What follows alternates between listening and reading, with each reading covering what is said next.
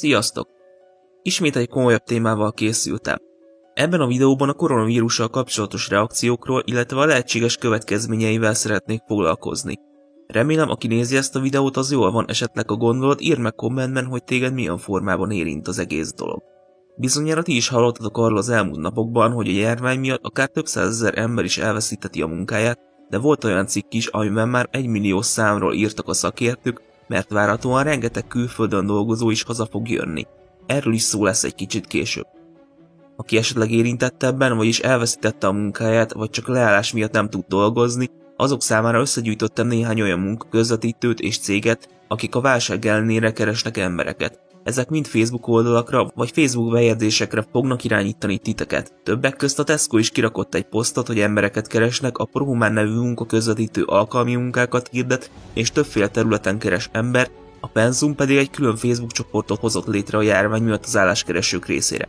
Tudom, hogy ezek nem feltétlenül azok a társaságok, akik a korrektségükről híresek, és valószínűleg néhány közvetítő csak az önéletrajzokból akar adatbázist kiépíteni, de talán valakinek hasznosak lehetnek.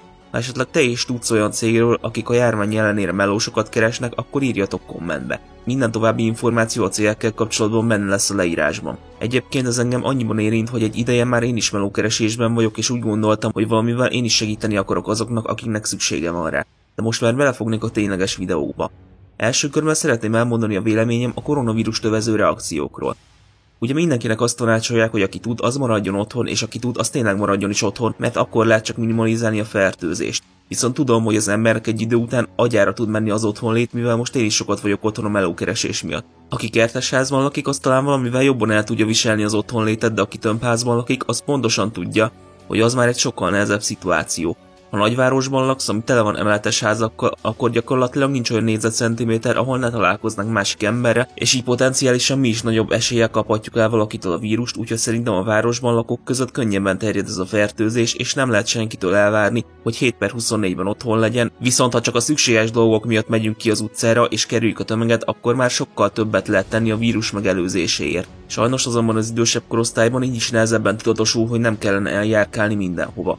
Bár úgy tűnik, hogy próbálnak tenni azért, hogy ne fertőződjön meg mindenki, azonban nem úgy tűnik, hogy az illetékesek a helyzet magaslatán lennének, illetve a társadalomban is vannak olyan emberek, akik nem a legegyüttműködőbbek.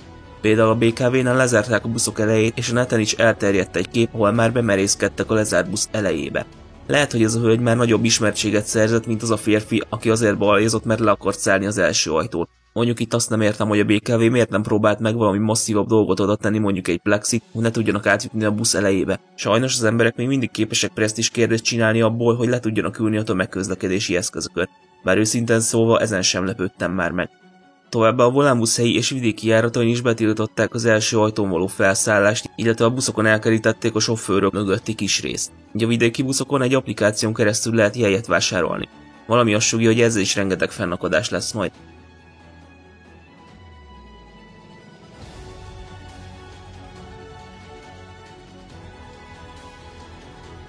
Rengeteg városban pedig járatritkításokat és tanszüneti menetrendet vezettek be, amivel azt próbálják ösztönözni, hogy kevesebben vegyék igénybe a tömegközlekedés. Sajnos azonban van, ahol visszafelé sült el a dolog, például a Debreceni ipari parkba tartó járaton volt látható ez a tömegnyomor. Itt ahol emellett felmerül az érintett cégek felelőssége is, mivel a helyi cégeknek lenne kellő lobby erejük ahhoz, hogy kiarcolják, hogy több buszt indítson az önkormányzat. Nagy szerep hárul a közösségi oldalakra is, hiszen rengeteg információ ezeken keresztül jut el hozzánk, és természetesen a járvány a fő téma mindenhol. Sajnos rengeteg álhírrel is lehet találkozni, illetve valószínűleg gyakrabban fogunk olyan hírekkel vagy hírdésekkel találkozni, amely az emberek befolyásolhatóságára próbál építeni. A Facebook is tele van különböző koronavírussal kapcsolatos bejegyzésekkel. A nagy kedvenceim azok a bejegyzések, amik legalább 5 perc hosszúságúak, és szinte biztos, hogy arról írnak benne, hogy csesszel mindenki, amiért elvittek mindent a boltokból. Az a probléma az ilyen posztokkal, hogy túl részletesek, és kb. 5 mondatban le lehetne írni a problémát. Ráadásul az ilyen posztokat simán meg is osztják, és simán megjelenhetnek olyan Facebook csoportokban, amiben akár fél millióan is benne lehetnek. Biztos jó az, hogy ennyi ember látja magánéletünkkel kapcsolatos dolgokat? Szerintem nem kell regény hosszúságban leírni, hogy valakinek három kilométert kellett gyalogolnia egy csirkéért, vagy nem kapott fertőtlenítőt sehol. Az utóbbi napokban pedig már elkezdődtek a különböző leépítések vagy gyárleállások. Ahogy a videó elején is mondtam, várhatóan több százezer ember fogja elveszíteni az állását. Ezt a legutóbbi kormányinfón Gulyás Gergely mondta el, de ő sem tudta megmondani, hogy várhatóan mekkora lesz a munkanélküliség. De kijött egy olyan elemzés is, amelyben azt állítják, hogy akár egy millió ember is munkanélküli lehet azokkal a magyarokkal együtt, akik külföldről térnek haza. Ez szinte minden szektort érint kivétel nélkül turizmus, vendéglátás, autóipar. Sok helyen jobb esetben fizetés nélküli szabadságra küldik a dolgozókat, vagy állásidőt fizetnek nekik. Ez leginkább azért van, mert még a cégek sem feltétlenül tudják, hogy hogyan tervezzenek. Állítólag a Suzuki is elbocsátott 600 kölcsönzött munkást. Sajnos ilyen helyzetekben a kölcsönzött munkaerő állásai vannak a legnagyobb veszélyben, mivel az autóipari és más feldolgozóipari cégek kifejezetten azért foglalkoztatnak munkaerőkölcsönzőkön keresztül embereket, hogy rugalmassá tudják tenni a létszámukat. Ha kevesebb lesz a megrendelés, vagy egy ehhez hasonló gazdasági válság üt be, akkor őket tudják a legkönnyebben elküldeni, mert elég, ha szólnak a kölcsönző cégnek, hogy ennyi embernek nem kell holnap jönnie, és ilyenkor az olyan kölcsönvevő cégeknek, mint a Suzuki, nem kell semmit sem csinálnia, mert a kölcsönző cég intézi a papírmunkát, a kifizetés, gyakorlatilag mindent. Remélem lesz annyi emberség a kölcsönző cégekben, hogy kifizetik legalább a felmondási idejüket a dolgozóknak, bár tudom, hogy nem kötelességük. Az iskola bezárások miatt rengetegen arra kényszerültek, hogy otthon maradjanak. Arra is van példa, hogy a szülők táppénzre kényszerülnek, ilyenkor pedig a munkáltatók azokat fogják jobban terhelni és túlóráztatni, akik egyedülállók vagy nincs gyerekük. Ahol pedig meg lehetett oldani, ott home office-ban dolgoztatják az embereket, ennek viszont az a legnagyobb hátránya, hogy kifejezetten csak azok számára érhető el ez a lehetőség, akik szellemi munkát végeznek, és ott sem mindenkinek. Én például azon gondolkodtam, hogy azok, akik fizikai munkát végeznek, őket távoktatásban például miért nem képzi tovább a munkáltató, hogy a későbbiekben akár ők is szellemi munkát tudjanak ellátni. Miért nem érdekel a munkáltatónak a dolgozók fejlesztése? Elég egyértelmű, hogy a cégeknél a fizikai és a szellemi munka között egy végtelenül éles határ van, és rengeteg munkáltatóval, mint a magyar munkaerőpiac is végtelenül rugalmatlan. Nagyon sokáig felejtsük el, hogy a rugalmasabb munkavégzési formák felé megyünk el marad a több műszakozás vagy a 9-től 5-ig szóló munkarend.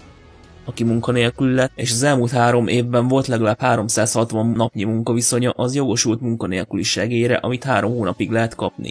Aki pályakezdő, az sajnos nem jogosult rá, és azok sem, akik nyáron végeznek a sulival. És tudomásom szerint a 22.800 forintos önkormányzati segély sem jár a pályakezdőknek, csak azoknak, akiknek majd lejár a három hónapos járadék.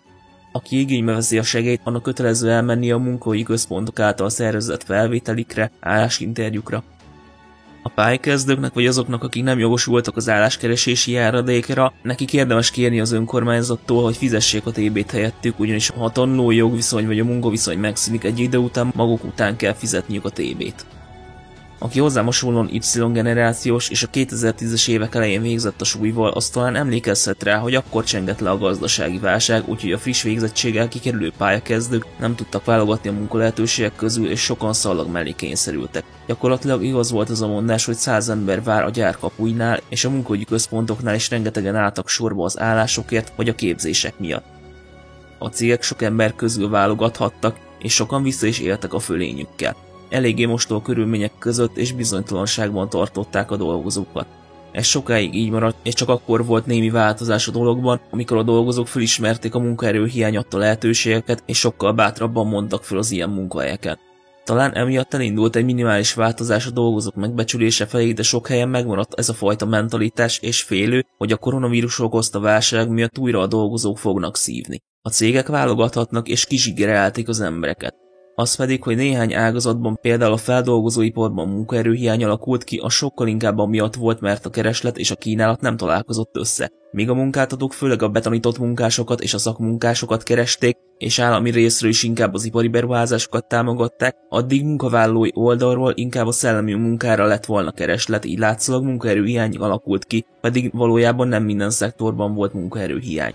Az illetékesek nem fektettek elég hangsúlyt a kereslet és a kínálat találkozására. Hogy ezt orvosolják, elkezdték az ipar és a különböző szakmunkák felé orientálni az embereket, az oktatást is kimondottan ebből a célból alakították át. Ráadásul úgy alakították át az oktatási rendszer, hogy a diákok minél előbb kikerüljenek onnan. Ezért vitték le a tankötelezettségi korhatárt, ezért kell minden hat évesnek már kötelezően elkezdenie az iskolát, és ezért akarták nyelvvizsgához kötni a felsőoktatási képzéseket.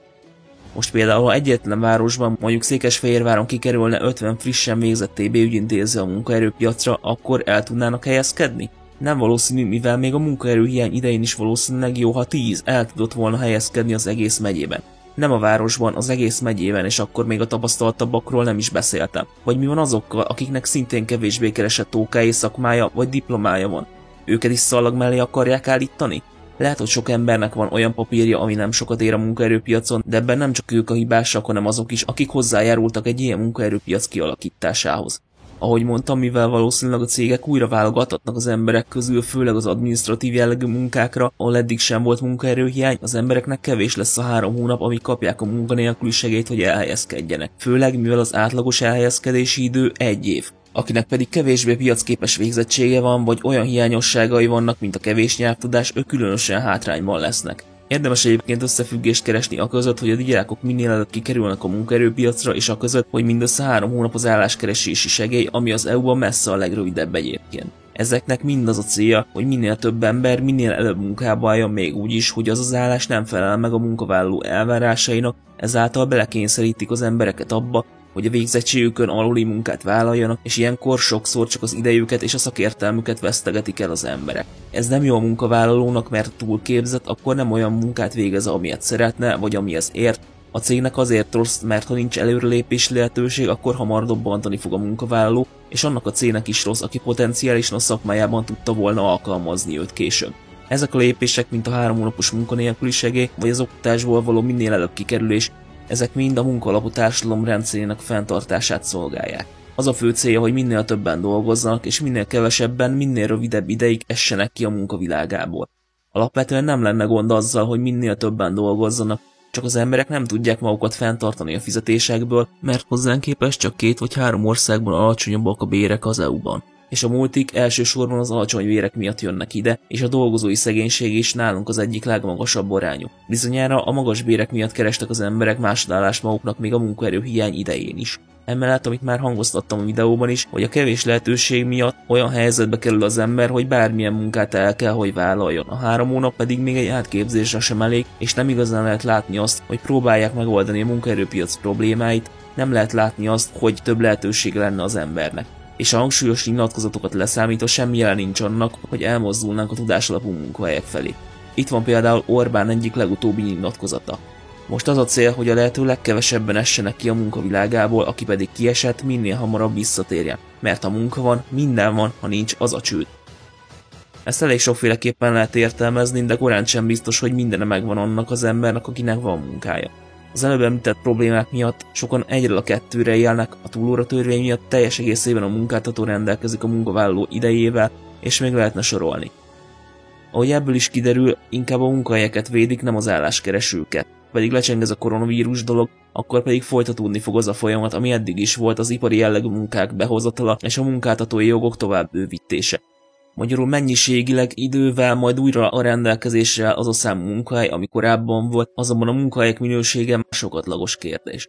Mivel valószínűleg az iparban és a hozzá kapcsolódó beszállítói ágazatokban fognak az új, főleg betanított jellegű munkahelyek létrejönni, így szinte biztos, hogy a más ágazatokban végzett vagy a magasabb végzettsége rendelkező munkanélkülieknek ezek a cégek nem tudnának megfelelő munkalehetőséget biztosítani, ezért úgy is lehet értelmezni ezt az egészet, hogy az van, amit adunk, az, hogy te mit akarsz, az másodlagos. Tehát ahelyett, hogy a magyar munkaerőpiac tett volna egy lépést előre a fejlődés felé, kezdhetjük ugyanonnan az egészet, mint 2010-ben. Az pedig csak mellékes dolog, hogy a tudásalapú munkahelyek nehezebben szűnnek meg, nehezebben robotizálhatók, de hát ha munka van, minden van, vagy annyira mégsem. Itt zárnám le ezt a videót, köszönöm a figyelmet, lesznek még ilyen videók, sziasztok!